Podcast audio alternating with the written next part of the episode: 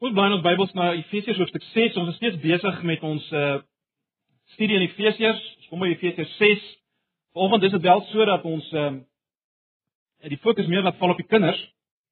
Ek wil tog vra dat julle nie afskakel nie, want dit is baie belangrik. Ons is as 'n gemeente saam besig om te ontdek wat uh die Here vir ons wil sê.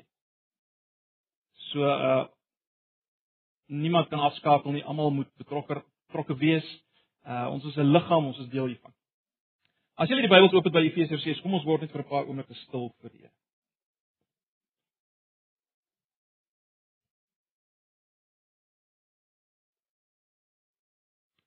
Here baie baie dankie dat ons nou na U kan kom met 'n verwagting dat U ook ver oggend met ons wil praat deur U woord.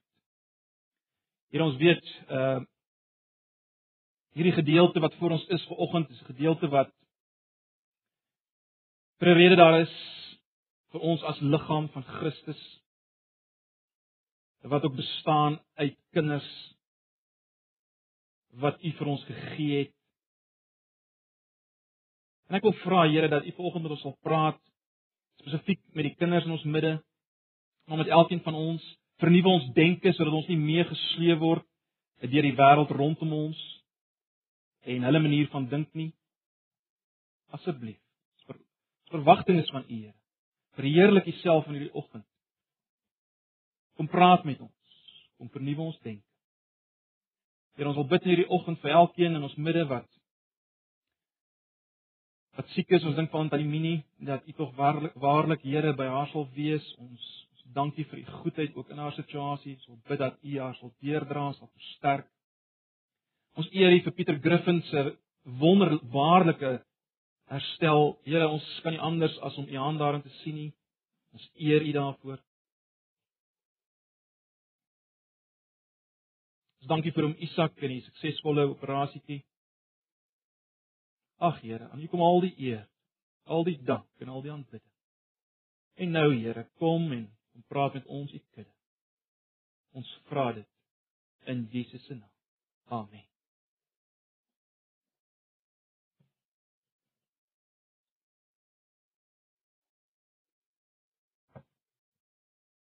Ons het voordat tot by Efesiërs hoofstuk 6. Ons het oor die vorige geleenthede gekyk.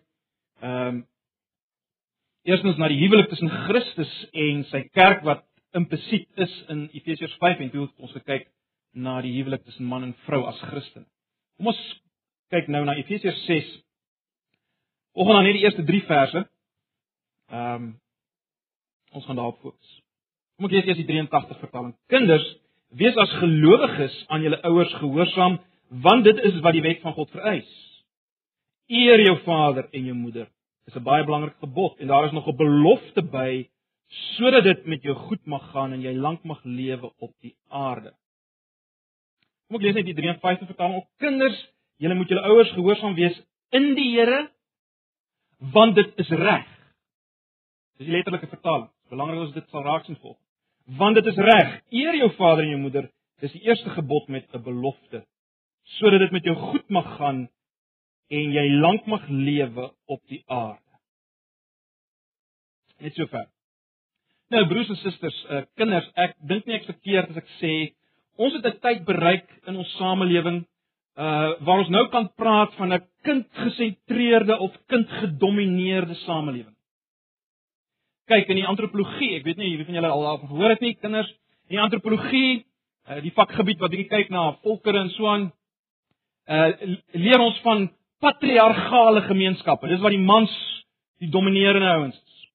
En hulle hulle meen self sommige kulture en sommige gemeenskappe neig na wat hulle noem matriargale gemeenskappe. Dis waar die waar die vrouens meer dominant is. Nou, in ons tyd het ons nou 'n stadium bereik waar waar paas dikwels net nie meer by die huis is nie. Hulle gaan die oggend 5 uur uit die huis uit en kom 7 uur terug. Die paas is net nie meer daar nie. En al meer die maas ook nie. Kinders is totaal vry van enige rotine, ouerlike gesag, uh enige toesig, enige ouers sorg en en wat in feite gebeur is, kinders word deur hulle portuïergroep grootgemaak, né? Nee, hulle maak en die media. Dis nie ouens wat hulle groot maak En en is hierdie kinders wat die dominante groepering in ons samelewing geword het. Hulle is die ouens wat alles weet. Hulle is die ouens na wie se pype gedans word. Broers en susters, dis 'n feit. Al meer en meer. Jy kan hulle niks vertel nie. Hulle weet alles. Almal moet na hulle pype dans. Al meer en meer sien mense dat ouers inderwaarheid bang is vir hulle kinders. En die kinders is bang vir niks en niemand nie. En nou is die vraag natuurlik, hoe moet ons as 'n gemeente en kinders in die gemeente, gelowige kinders, hoe moet ons oor dit alles dink? Uh kinders wat die wil van die Here wil doen, hoe moet ons hieroor dink? Dis 'n belangrike vraag. En soos ek sê, dis nie net vir kinders belangrik vir oggend nie, dis ook vir ons as gemeente en as as ouer mense, as volwassenes belangrik dat ons reg dink hieroor. Uiters belangrik. Nou, wat is die wil van die Here? vir ons in 'n tyd soos hierdie. In 'n tyd waar ons leef in 'n kindgedomeineerde, kindgesentreerde samelewing. Wat is die wil van die Here? Nou, ons weet nou al uit Efesiërs 5 vanaf vers 15 het ons gesien ons kan die wil van die Here ken. Die wil van die Here is nie weggesteek nie, hoor. Dit is baie duidelik, dit is openbaar. Ons kan die wil van die Here ken. Ons kan onder die invloed van die Heilige Gees lewe sodat hy vir ons laat weet wat is belangrik, wat hy wil. Dit is moontlik. Ons het daaroor duidelikheid gekry. Ons weet byvoorbeeld nou wat is die wil van die Here vir die huwelik? Ons het daarna gekyk.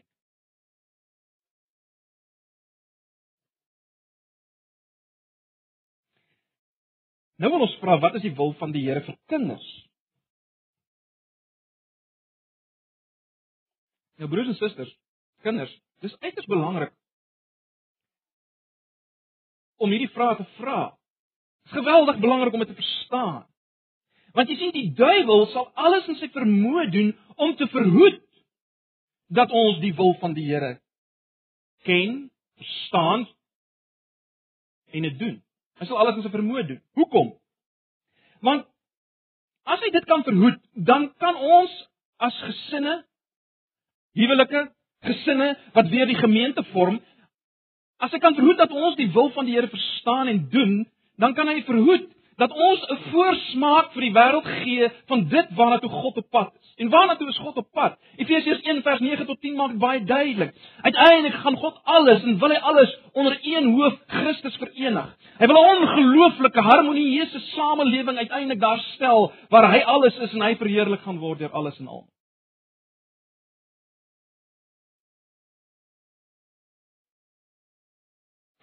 En ons as huwelike en as gesinne. Wat uiteindelik weer die gemeente vorm natuurlik. Ons gee voorsmaak daarvan. En God kry die eer, né? Nee, God kry die eer as ons 'n voorsmaak daarvan gee vir die wêreld, van dit waarmee ons God besig is. Broers en susters, onthou net, die gemeente en ons het nou al baie daaroor gepraat. die gemeente is God se instrument om sy koninkryk sigbaar te maak in die wêreld, soos Jesus as individu, as persoon iets van God se heerskappy oral waar hy beweeg het, sigbaar gemaak het. So doen ons dit nou as gemeente. Gemeentes wat bestaan uit kinders en huwelike. Gesinne. God maak nie sy koninkryk sigbaar deur individue wat soos mal hase rondhardloop en elkeen sy eie ding doen nie. Gebruik hierdie een liggaam as 'n vertoonvenster soos 'n een volk Israel as volk ingestuur het en wou gebruik as lig vir die nasies. Dis baie belangrik. Dis uiters belangrik. En daarom ek moet dit sê broers en susters, die duiwel is heel gelukkig met mans wat ongelooflike bedieninge het en sendingwerk doen oor die wêreld heen. Maar hulle huwelike is chaos.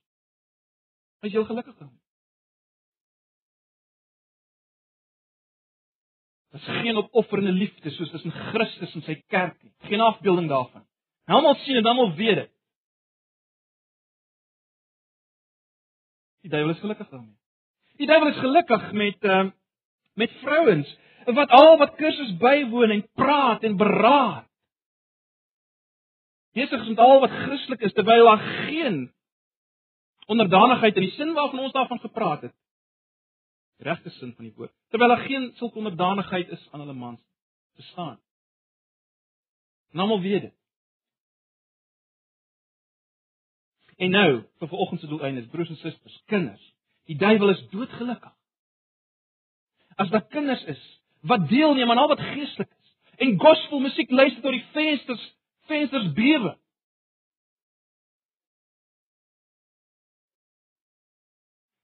Nie gehoorsaam aan hulle ouers nie. En hulle maats weet dit. En die groot mense weet dit. Die duiwel is gelukkig daarmee. Want dan word die wil van God nie gedoen nie. En God kry nie die eer nie.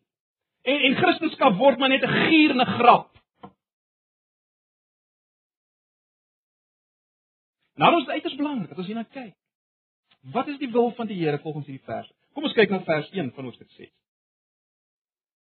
Ek lees dit weer in albei vertalings. Kinders, wees as gelowiges aan julle ouers gehoorsaam, want dit is wat die wet van God vereis. Die meer letterlike vertaling en ek hou daarvan. Kinders, julle moet julle ouers gehoorsaam wees in die Here, want dit is reg.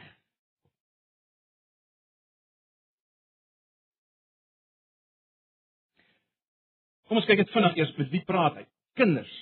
Wie bedoel hy hier? Wel, die woord wat hy hier gebruik vir kinders is nie die woord vir suigelinge nie. Dis die woord wat gebruik word vir kinders wat reeds kan verstaan en gehoorsaam.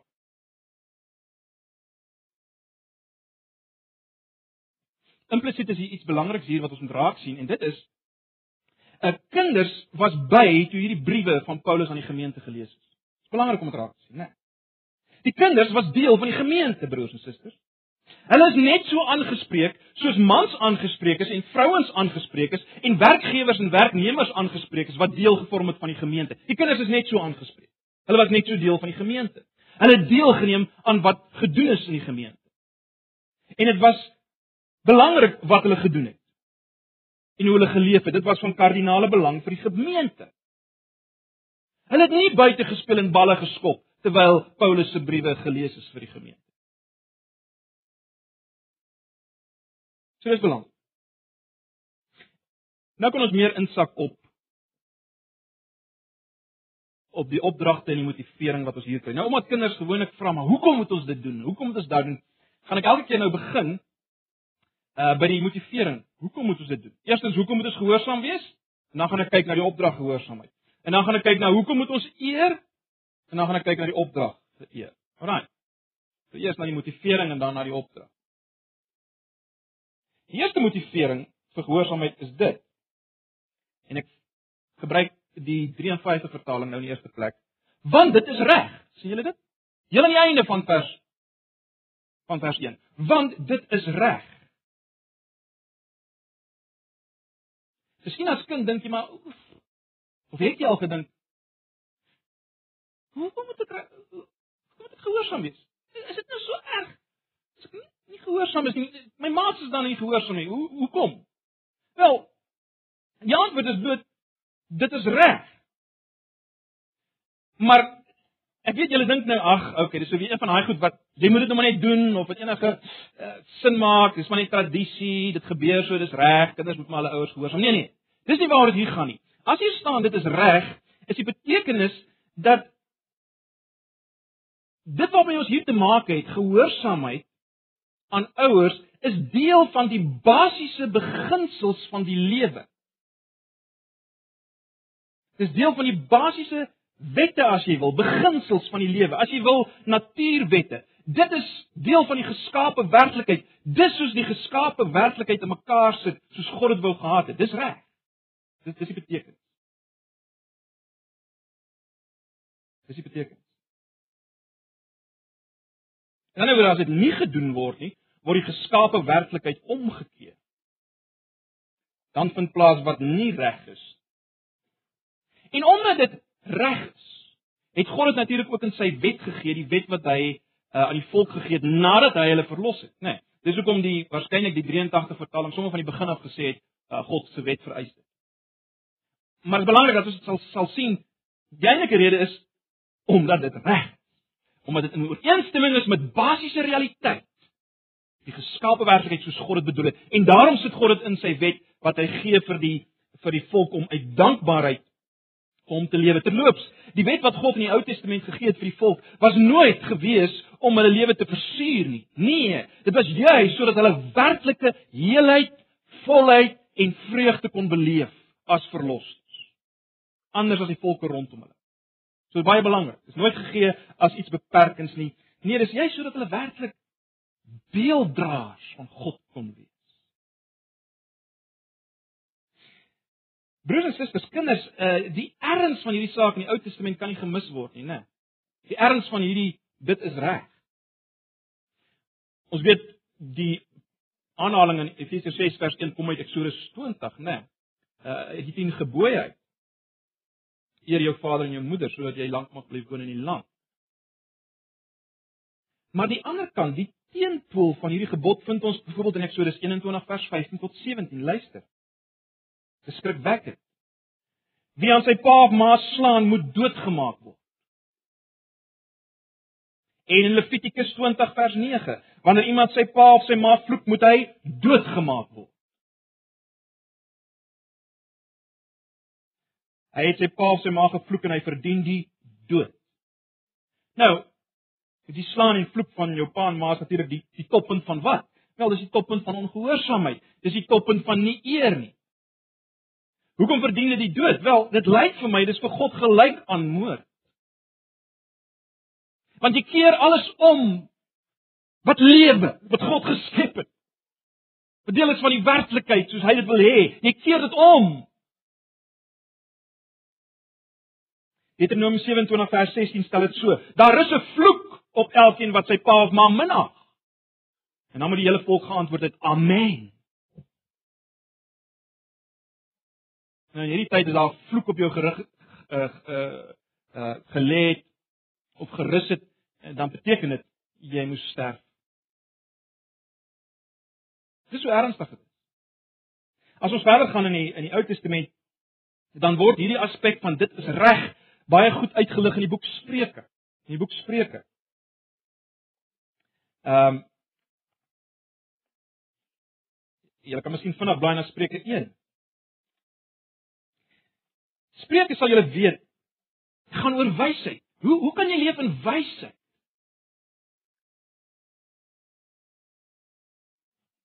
Hoe kan jy om dit anders te stel leef binne dit wat reg is? Dit wat reg is volgens God, wysheid. Luister net na vers vers 8 en 9 van Spreuke 1. My seun, Jy moet luister na die onderrig wat jou vader jou gee. Moenie wat jou moeder jou leer verontagsaam nie. Dit sal jou lewe versier soos 'n krans, is soos 'n krans jou kop en 'n kettingkie jou jou hals. En nou interessant, in vers 10 en 11 gaan hy aan en dan wys hy eintlik dat jy nie moet toelaat dat jou portuïergroep en die ouens rondom jou uh, dit vir jou leer nie. Uh vers 10: As sondaars jou wil verlei, my seun, moenie toegee nie. Hulle sal vir jou sê, "Kom ons gaan lê iemand voor en blablabla." Bla, bla, bla. Moenie. In hoofstuk 2 uh vanaf vers 1 is die volgende: My seun, as jy my woorde aanneem en my gebooie by jou bewaar, sodat jy jou oor laat luister na wysheid, jou hart neig tot verstand, ja, as jy na die insig roep, na die verstand jou stem verhef, as jy daarna soek soos na silwer en dit naspeur soos verborgde skatte, dan sal jy die vrees van die Here verstaan en die kennis van God vind. Die implikasie waar of of die die die die onderliggende punt wat hy wil maak is waar sou jy dit kry? Wel by jou ouers. Waar moet jy dit gaan soek? Waar moet jy dit najag? Wel by jou ouers. Dis reg. Dis hoe God die ratte van die samelewing gebou het. Ons kan die res van die oggend spandeer op spreuke. Daar's geweldige dinge rondom hierdie hele saak en, en kinders, ek wil vir julle vra, gaan lees Spreuke vir julleself. Gaan lees dit. Gaan lees dit. Bid dit. Nou miskien is hier van julle wat sê maar goed. Dit is nou alles Ou Testamenties. Ons wil graag wees soos Jesus en dis reg. Maar nou is dit interessant as ons kyk na Jesus as kind, dan word dit nog duideliker vir ons onderstreep dat dit reg is om ons om ons ouers te gehoorsaam en te eer. dat dit reg is. Uh, Daar's 'n interessante vers in Lukas 2 vers 52. Vers wat ons dikwels mis, Lukas 2 vers 52.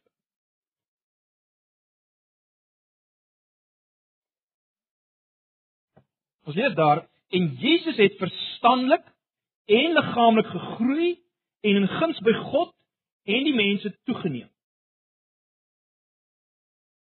Nou as Jesus as kind hierin moes groei en toeneem, dan sê dit vir ons daar's vier kategorieë as jy wil, vier afdelings waarin kinders moet groei.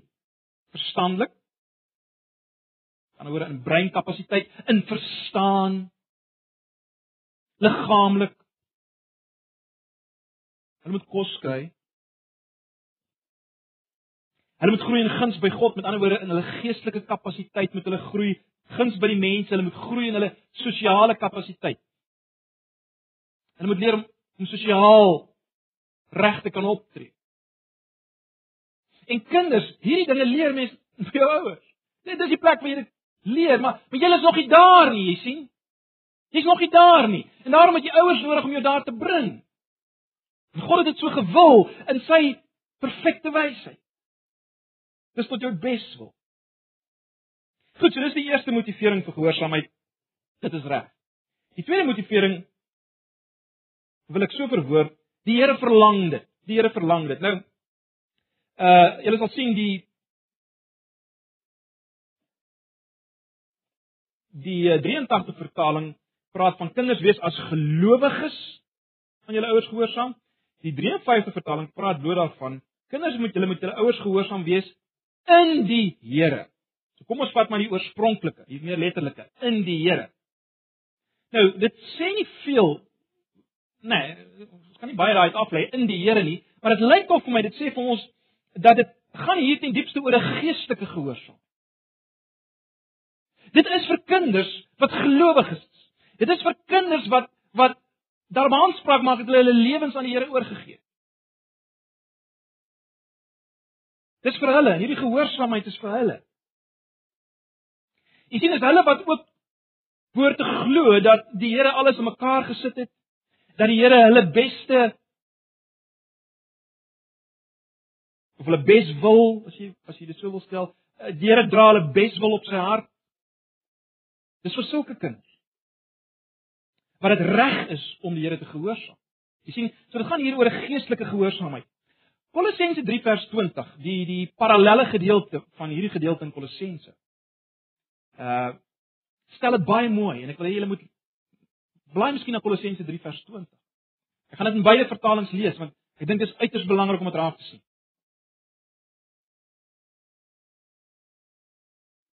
Terloops alles wat in Efesiërs 5 vanaf vers 18 nie so duidelik is nie, is word amper mooier vir ons verklaar in Kolossense 3 vanaf vers 16. Uh jy kan amper as 'n kommentaar lees. Maar goed. Kolossense 3 vers 20.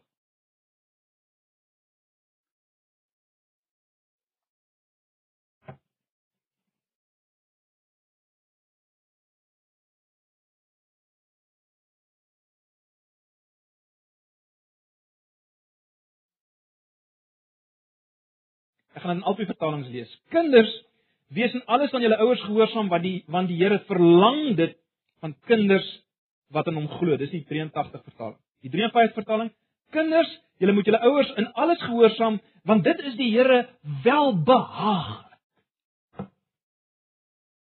Dis die Here welbehaaglik. Met ander woorde, dit maak hom baie gelukkig. Dit maak hom ontsettend gelukkig. So wat is die implikasies hiervan kinders? As die gedagte om die Here opgewonde te maak, nie vir jou ook opgewonde maak nie. En as die gedagte om die Here te teleur te stel, nie jou ook hartseer maak nie. Wel, dan is jou Christendom net so min Christendom soos die stoel waarop jy sit, 'n Christen. Ons moet dit reguit mekaar sê. Dis die basiese van 'n Christen, is dit nie? Om die Here te wil behaag en nie te doen wat hom nie behaag. Maak nie saak hoeveel gebedjies jy al gebid het, hoeveel keer jy al sogenaamd die Here aangeneem het nie. As daar geen begeerte is om die Here gelukkig te maak en geen hartseer is om hom bedroef te maak nie, wel, dan moet jy ernstige vrae vra. Ernstige vrae vra.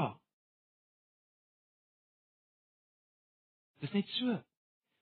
As jy 'n kind is uh wat in 'n Christenhuis groot geword het en jy wonder of al hierdie dinge waarvan gepraat word of jy ooit werklik deel daaraan het, wel, een toets is wat gebeur in my as ek hierdie teks hoor? Sarabel. Sal opstaan. Wat gebeur in my as ek hierdie teks hoor? En jy sien wat vir die Here wel behaaglik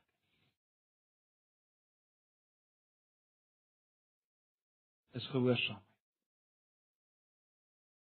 Dis wat die Here gelukkig maak kinders. As jy sê jy's 'n kind van die Here, dan sal jy hom gelukkig maak. Dis die motivering. Kom ons kyk nou na die opdrag, gehoorsaam. Die opdrag, gehoorsaam.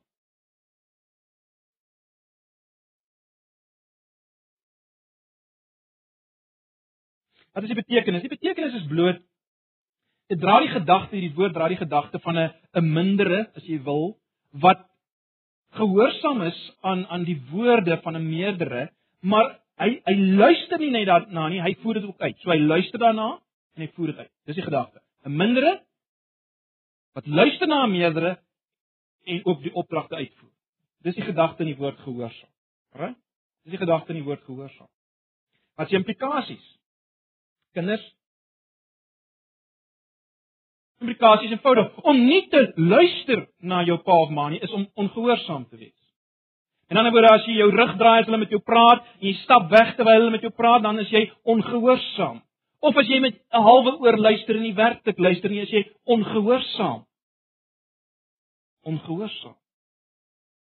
Aan die ander kant, as jy ja pa, ja ma sê maar jy doen dit nie, is jy ongehoorsaam. Ook ongehoorsaam.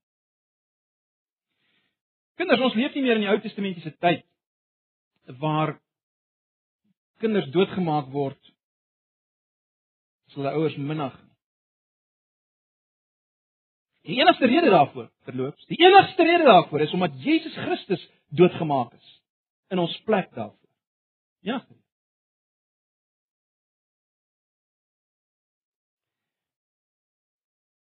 Maar kinders, broers en susters, God voel nog dieselfde oor ongehoorsaam. Hy voel nie anders daaroor. Die feit dat Jesus die straf daarvoor gekry het in ons plek, beteken nie God voel anders daaroor. Ons moet dit onthou. En baie belangrik, ongehoorsaamheid aan jou ouers mag 'n teken wees. Ek sê dit mag 'n teken wees dat jy God nie wil ken nie en luister mooi dat God jou reeds oorgegee het in sy oordeel in sy toorn aan dit wat jy wil doen. Ek sê dit op grond van Romeine 1. Baie net vir 'n oomblik na Romeine 1.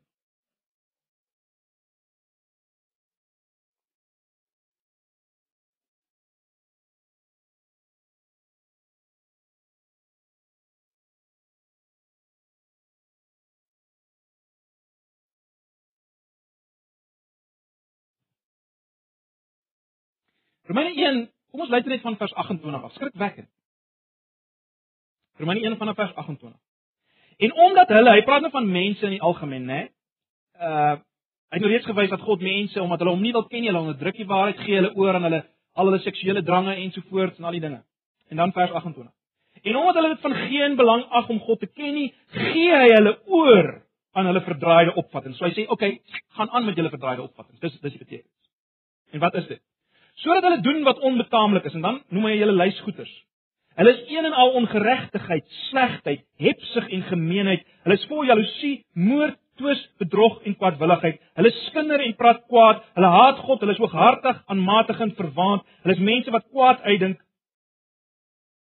ongehoorsaam aan hulle ouers. Hulle is onverstandig, onbetroubaar, liefdeloos, hardvogtig. Hulle is mense wat die verordeninge van God ken dat die wat sulke dinge doen die dood verdien en tog doen hulle dit nie self nie, maar hulle vind dit ook goed as ander dit doen. Ongehoorsaamheid aan ouers is in dieselfde lys van dinge wat 'n teken is dat God mense oorgie aan hulle wanopvattinge. Dis skrikwekkend. So kinders, dit is nie ligtelik hierdie dinge. Wie van julle wat hier is? Ouers moet dit hoor. Groot mense moet dit hoor. Dis nie ligtelik as jou kleinkinders ongehoorsaam is nie, oupas, oumas. Dis nie ligtelik. Dis nie grap nie. Dis nie ag, maar kinders is vas. Nee. 2 Timoteus 3 vers 1 tot 2 sê dieselfde ding op 'n ander manier sê in die laaste dae sal mense spotters wees, liefhebbers van hulself ensovoorts, nie lief vir God nie en dan ongehoorsaam aan hulle ouers. Selfde. Selfde. Ons gaan kyk na Efesiërs 6 vers 1. Kom ons kyk na vers 2 tot 3. 2 tot 3. Kom ons kyk weer eens eers aan die motivering om te eer. Die motivering om my ouers te eer.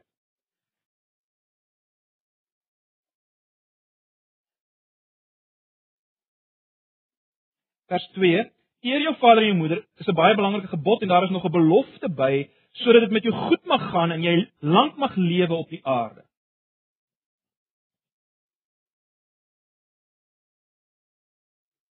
Vanaand 'n opmerking, is baie interessant. In die Ou Testament, jy eh, dis ons sien Paulus het so 'n bietjie hierdie aanhaling verdraai, nê, nee, 'n bietjie verander.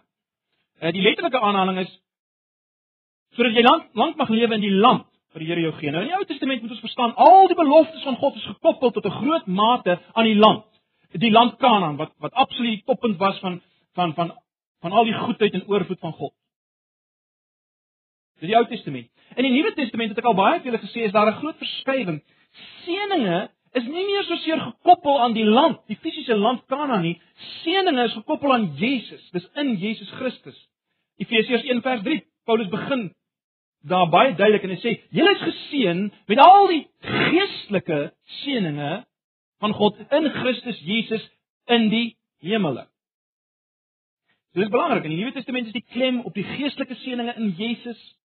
Gaan nie meer oor oor die fisiese land waar die land Kanaan waar al die seënings sou wees. Maar nou is dit interessant.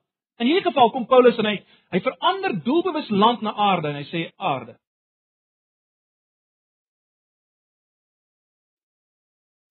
sodat jy lank mag lewe op aarde. En wat beteken dit? Dit klink na blote bygelowigheid, né, kinders? As jy nie dit doen nie, sal jy nie lank lewe nie. Nee. Nee. Nie bygelowigheid. Dit is nie sommer 'n vlak of leë opmerking nie. Dit stem ooreen met realiteit. Ons moet dit aanvaar. Ons, ons kan tog nie speel met hierdie gedeelte as ons sê dis deel van God se woord nie. Nee. Wat beteken dit om baie eenvoudig te stel? Wel, dit beteken bloot vreugdevolle, gewillige gehoorsaamheid sal heerlike positiewe gevolge hê, maar aan die ander kant, die teenoorgestelde, bitter, brommende, onwillige gehoorsaamheid en rebelse ongehoorsaamheid kan jou lewe drasties verkort. Kan jou lewe drasties verkort. God sal sorg dat dit verkort word want jy's besig met dit wat nie reg is nie.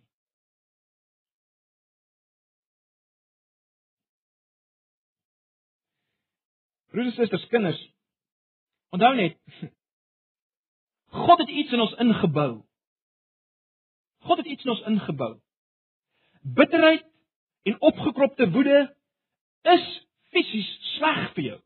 En die ouens wat nou meer in die mediese kringe hier is, dit sal beter vir julle dit kan vertel, maar dit is al meer wys navorsing dit uh jy kan dit maar self nagaan. Uh Dit het fisiese gevolge vir jou liggaam as daar bitterheid in jou is, opgekropte woede, rebelsheid. Jou liggaam skei letterlik gifstowwe af en ja, dit verkort jou lewe. Jy sien dit asof God dit ingebou het in ons. Broers en susters, ek dink baie meer van tieners se emosionele en fisiese probleme. Ek sê nie alles nie, verseker, jy moet my nie verkeerd hoor vanoggend nie. Maar baie daarvan is as gevolg van opgekropte emosies teenoor hulle ouers. Ons sal oor 2 weke kyk na die ouers se kant, so daar baie keer is ons die oorsaak daarvan. Verkeerdelik. Maar baie keer lê die rebelsheid in die bitterheid aan hierdie kant. Die oorsaak is is is, is jy hier by die kinders. En dit lei tot emosionele en fisiese gevolge. Maar aan die ander kant, ek wil op uitbrei. Maar ons moet dit hoor. Aan die ander kant vreugdevolle gehoorsaamheid. As jy gehoorsaam het om gehoorsaam is omdat jy die Here wil behaag, al verstaan jy nie alles nie en al maak alles vir jou nie nou sin nie, net soos ons gehoorsaamheid as Christene aan die Here nie altyd sin maak nie. Ons weet nie altyd hoekom nie. Maar as jy vreugdevol gehoorsaam is, omdat die Here dit die Here gelukkig maak. Kinders, dis daai heerlike gevolge. Daar is heerlike gevolge. Selfs fisiese positiewe gevolge. Dis die punt. En nou is ons reg vir opdrag 2. Ons het nou na die motivering gekyk vir eer jou pa en ma, nou kyk ons na die opdrag self, eer jou pa en ma. Wat is die betekenis? Die betekenis van eer is net dit jy sien die waarde raak van iets en jy tree op in die lig daarvan. Dis dit. As jy iets eer, dan sien jy die waarde van daai ding en jy tree in die lig daarvan op. Dis eer. Right, dis eer. So die die eerste opdrag gehoorsaam het eintlik tot 'n mate meer te doen met uiterlike gedrag. Terwyl hier gaan dit baie meer oor dit wat binne in jou gebeur terwyl jy dit doen. Dit gaan hier meer oor jou innerlike ingesteldheid.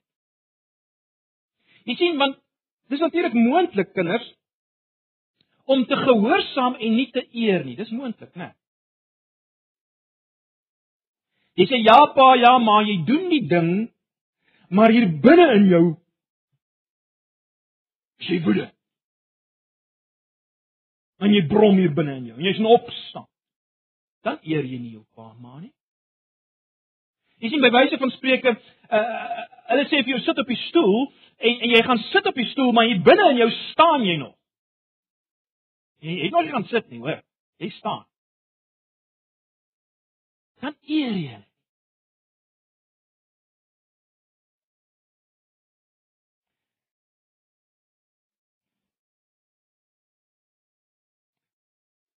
Daar's baie voorbeelde waar Jesus sê hy eer die Vader. Ek gaan dit nie alles lees nie. Eh, net uh, Johannes 8:49 sê hy ek eer my Vader. Ek eer my Vader. As ons wil word soos Jesus kinders, dan moet ons eer ons Vader. Ons ook ons nie net ons hemelse Vader, maar ook ons aardse Pa en Ma. Dis wat die Here wil. Dis vir hom welbehaaglik. Ons ons my Pa en Ma se waarde erken omdat God dit vir hulle gegee het en ek tree op in die lig daarvan. Met ander woorde, ek erken hulle waarde en ek tree in die lig daarvan op. Hoe sal dit wys? Baie vinnig, net twee dinge. Hoe sal dit wys? Prakties dat ek hulle waarde erken en in die lig daarvan optree. Wel, in die eerste plek, dit sal wys in hoe ek praat met my ouers. Ag, dan kan ek nie genoeg beklemtoon nie.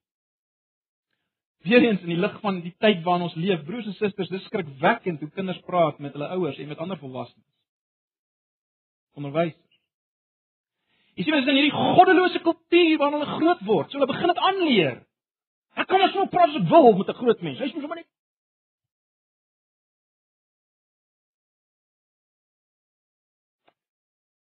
my ouers eer. Nie eens tyd vanoggend te praat oor ander groot mense, maar as my ouers eer, sal dit wys hoe ek praat. Jesus sê Matteus 12 vers 34 en 35 Julle slange, hoe kan julle wat sleg is iets goed sê? Waar die hart van vol is, loop die mond van oor. Die goeie mens bring die goeie te voorskyn uit die oorvloed van goeie dinge in sy hart. Die slegte mens bring die slegte te voorskyn uit die oorvloed slegte dinge in sy hart. Hoe jy praat, wys wat in jou binneste is teenoor jou ouers. Dit wys hoe jy praat. En dan jou fisiese houding jou fisiese houding. Ons weet kommunikasie is nie net verbaal nie. Groot woorde gebruik nie, is ook nie verbaal. In ander woorde, jy praat ook deur jou liggaam. Jy hoef nie te sê ek hou niks van jou nie, kan ek? Dan weet almal dat jy hou niks van jou. Nee. Dit is soos nie verbale kommunikasie. Jou houding. Daar's 'n wonderlike gedeeltjie in in die Ou Testament. In 1 Konings 2 vers 19. Luister net hierna. Julle sal onmiddellik hoor wat ek wil sê. 1 Konings 2 vers 19. Toe Batsheba by koning Salomo binnekom, was sy ma. Toe Batsheba by koning Salomo binnekom Adonia te uh, se versoek te gaan stel, het Salomo opgestaan en voor haar gebuig. Hy gaan toe weer op sy troon sit en laat vir vir die koningsmoeder 'n stoel aan sy regterkant nader bring om op te sit. Dis nie mooi nie. Dis dit nie mooi nie. Salomo met sy moeder. 1 Konings 2 vers 19. Kinders gaan dink daaroor. Hoe lyk jou houding teenoor jou ouers en en ook ander volwassenes? Trek jy hulle stoele nader? Staan jy op? Of sê jou houding, ek is eintlik myn peanut in die pakkie.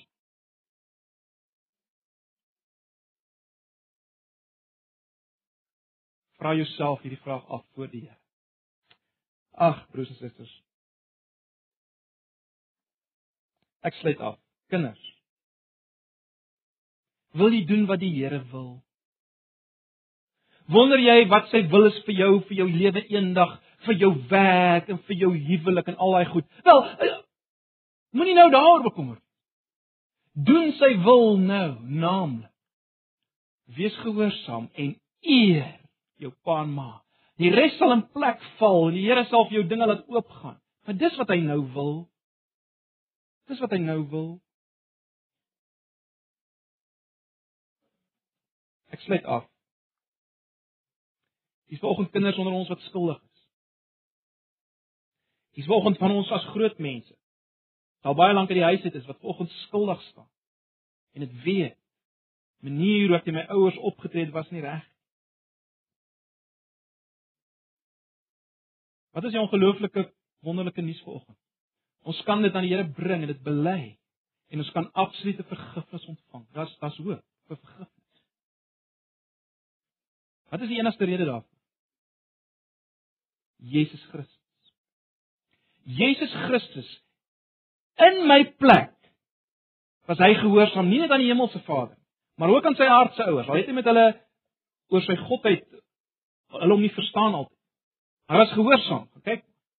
Jesus Christus was in my plek 'n gehoorsame kind.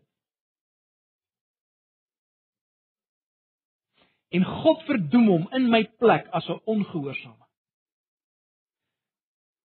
Ons het Deuteronomium 27 vers 16 gelees, onthou julle? Daar is 'n vloek op elkeen wat sy ouers minag.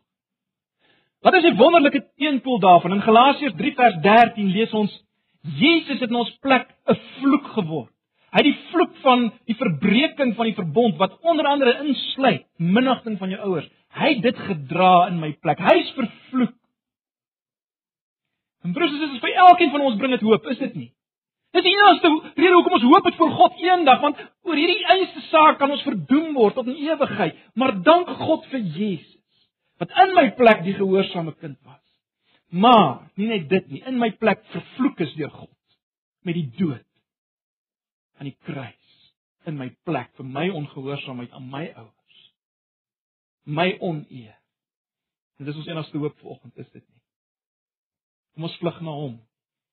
Gaan nou geleentheid gee dat jy stil word elkeen voor die Here.